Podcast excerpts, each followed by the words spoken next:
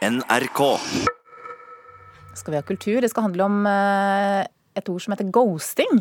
Ja, og det, Anne, det betyr i denne sammenhengen rett og slett å overse noen. Vi snakker om å møte noen på eh, date på nett. Ellen Sofie Lauritzen datet digitalt i ett år og hun skrev bok om det hun opplevde.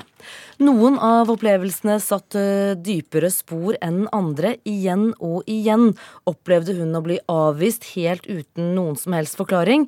Hun opplevde å bli ghostet, eller da rett og slett oversett. Nå er hun bekymret over hvor vanlig dette er blitt blant unge mennesker som dater via sosiale medier. Det er vel ghostingen som jeg syns er noe av det verste, da.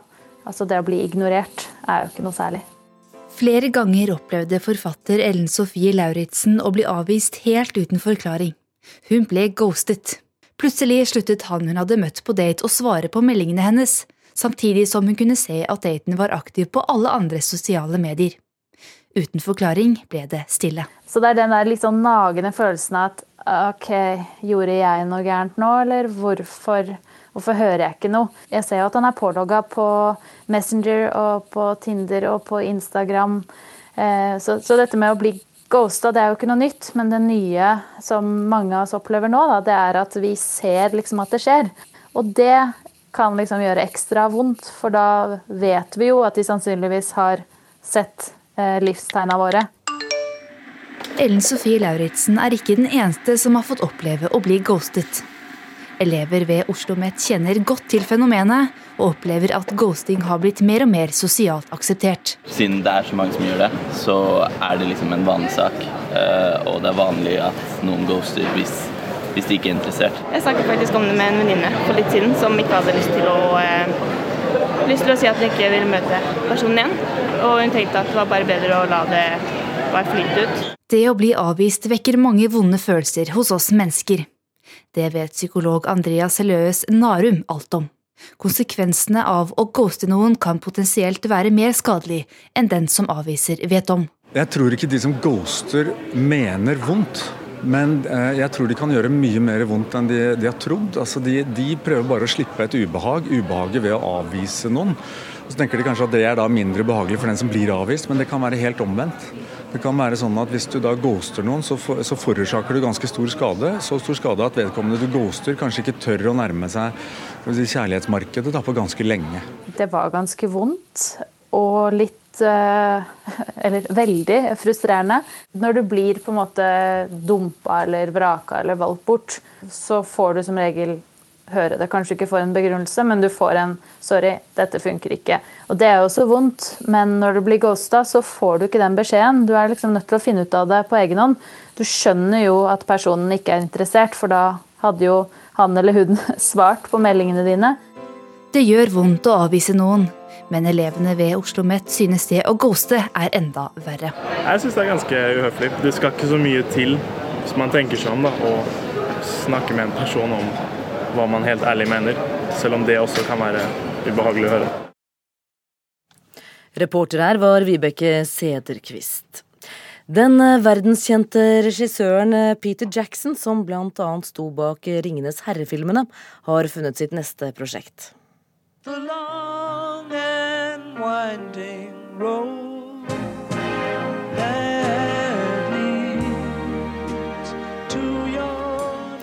Det du hører her, det er Beatles med The Long and the Winding Road. Du kan eh, kanskje gi oss mer eh, informasjon om hva dette dreier seg om, kulturreporter Daniel Eriksen? Ja, Peter Jackson skal altså lage Unnskyld. Dokumentarfilm om Beatles, det skriver eh, britiske The Guardian. Litt mer spesifikt så skal han lage dokumentar om da Beatles spilte inn albumet Let It Be, som den låta vi hørte tidligere her er henta fra. Jackson har fått tilgang til 55 timer med filmopptak fra innspillinga, og det skal han lage en fullengdes dokumentarfilm om. Tanken er å lage en sånn flue på veggen-aktig film, der man skal få oppleve hvordan Beatles hadde det da de inn, eh, spilte inn sitt da siste album. Da Martin Scorsese fikk masse gamle Beatles-filmopptak, ble det en fantastisk film ut av det, med dokumentaren 'Living in a Material World'. Så lista ligger høyt, Peter Jackson. Og så stormer det nok en gang rundt eh, Sigrid Bonde Tusvik. Debatten rundt humorprisen, deretter referansene til Handmaid's Tale. Det var det siste. Hva dreier det seg om nå? Det dreier seg om podkasten hun driver sammen med Lisa Tønne, som eh, jo mange nordmenn hører på. Tusvik og Tønne heter den. Eh, debatten begynte i går med Erle Marie Sørheim, som gikk ut og kalte podkasten for en verbal gapestokk i VG. Sørheim mener Tusvik og Tønne driver med, driver med, grov harselas av folk som ikke får forsvare seg, men nå får podkasten støtte. I en sak på nrk.no så går Morten Hegseth i VG ut og sier at podkaster som dette bør være fri, og ikke forholde seg til en sånn Vær varsom-aktig plakat. Hegseth jobber jo til vanlig i VG og forholder seg til Vær varsom-plakaten, men han mener likevel at podkasten må få være en sånn rebelsk lillesøster til det han og vi holder på med. Sørheim på sin side mener at det bør være regler for hva man kan si om folk i en podkast. Og det finnes jo allerede, men hun mener det skal være strengere regler. Mer kan du altså lese på nrk.no akkurat nå. Takk skal du ha, Daniel Eriksen. Det blir ikke noe direktesendt TV-show fra utdelingen av Amanda-prisene i Haugesund i år. Det er første gang på mer enn 30 år at vi ikke kan sitte hjemme i stua og se på filmprisutdelingen. TV 2 har sagt opp avtalen, og NRK vil ikke ta over i år. Men det er muligheter, for i stedet for TV skal filmprisshowet strømmes på kino i de største byene. Per i dag så ser det ikke ut som at det blir en, en tradisjonell TV-sending på linær TV for, for 2019. Det gjør det ikke. Det sier sjefen for filmfestivalen i Haugesund, Tonje Hardersen. Nå får du en låt, Ingar! Den er til deg! Den er til deg! Den er til deg! Fjorårets Amanda-show på TV 2, det 34. i rekken, kan bli det aller siste som blir vist på en vanlig norsk TV-kanal. For TV 2 bestemte seg i fjor for ikke å forlenge avtalen med Amanda-komiteen. Og nå er det også klart at heller ikke NRK eller andre TV-kanaler vil vise showet i år, sier Hardersen. Ja, det, det, er nok et tegn på at uh, tidene for den type show på linær TV, eller linær TV generelt, uh, endrer seg. Og de har uh, ikke vært interessert i å sende det, rett og slett. Mine damer og herrer, ta vel imot aftenens programleder. Filmprisen Amanda ble sendt på NRK fra 1985 til 2005, før TV 2 tok over. Seertallene har gått stadig nedover de siste årene, og det er foreløpig ikke aktuelt for NRK å ta showet tilbake, både av praktiske, økonomiske og strategiske årsaker, sier kulturredaktør i NRK Marius Hoel. Vi hadde ikke satt av budsjettmidler til en så betydelig produksjon. Eh, og så må vi også gjøre en vurdering på om dette er den beste måten å bruke pengene på overfor publikum, eller om det er andre måter man kan kan løfte og dekke norsk film. Og prisen går til Bjørn Sundquist for hans rolle i 'Søndagsengler'. God Amanda-stemning i 1996, og de nominerte må finne fram finstasen også i år.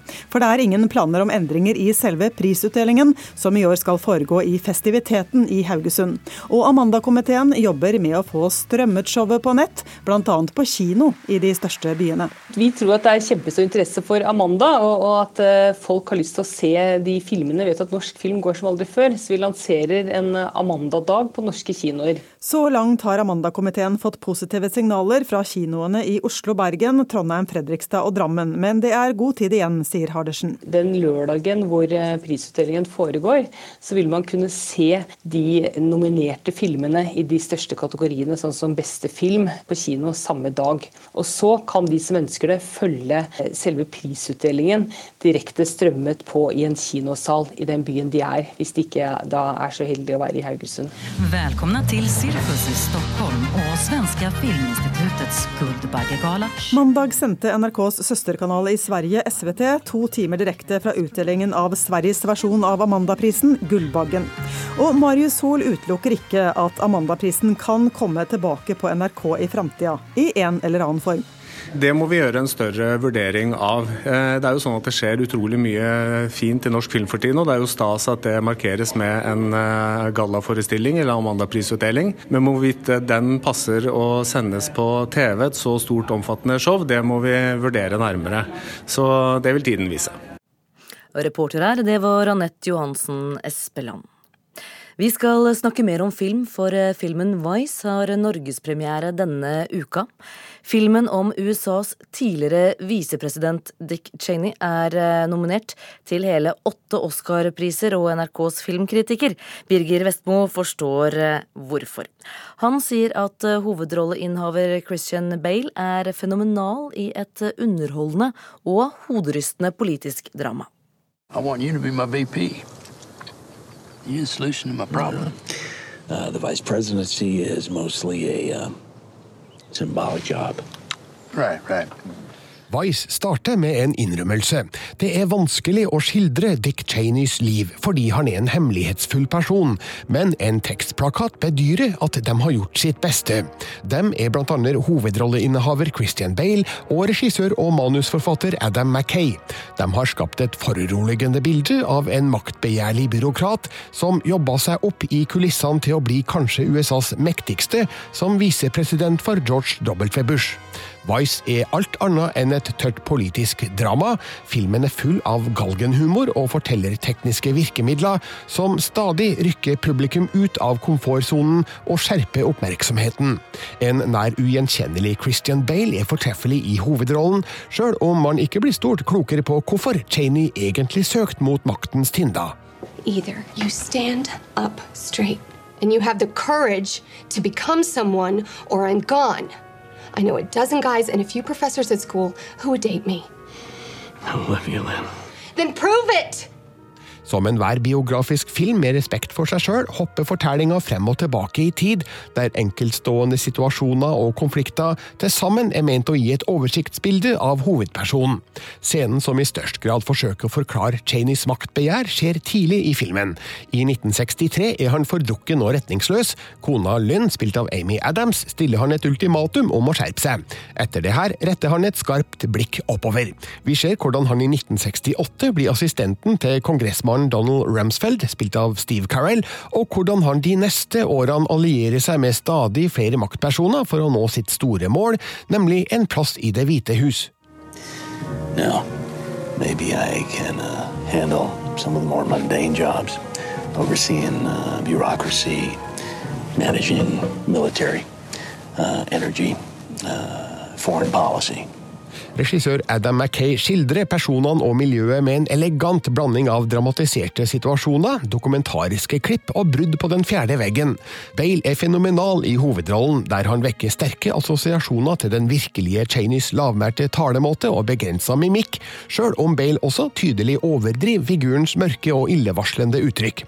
Det er vanskelig å bedømme sannhetsgehalten i historien som blir fortalt, spesielt når det gjelder mellommenneskelige forhold, men mange av hovedtrekkene er godt kjent fra før. Det er hoderystende å se det politiske spillet og dets konsekvenser, samtidig som det er noe universelt og tidløst ved skildringa av de som søker utøvelse av hensynsløs makt. Vice avslutter med Cheneys hjertetransplantasjon i 2012, der bildet av hans gamle, døde hjerte har all symbolikken som trengs. So we're gonna do this thing, or what? I mean, is this happening? I believe we can make this work. Terningkast fem. Det ble gitt av eh, Birger Vestmo.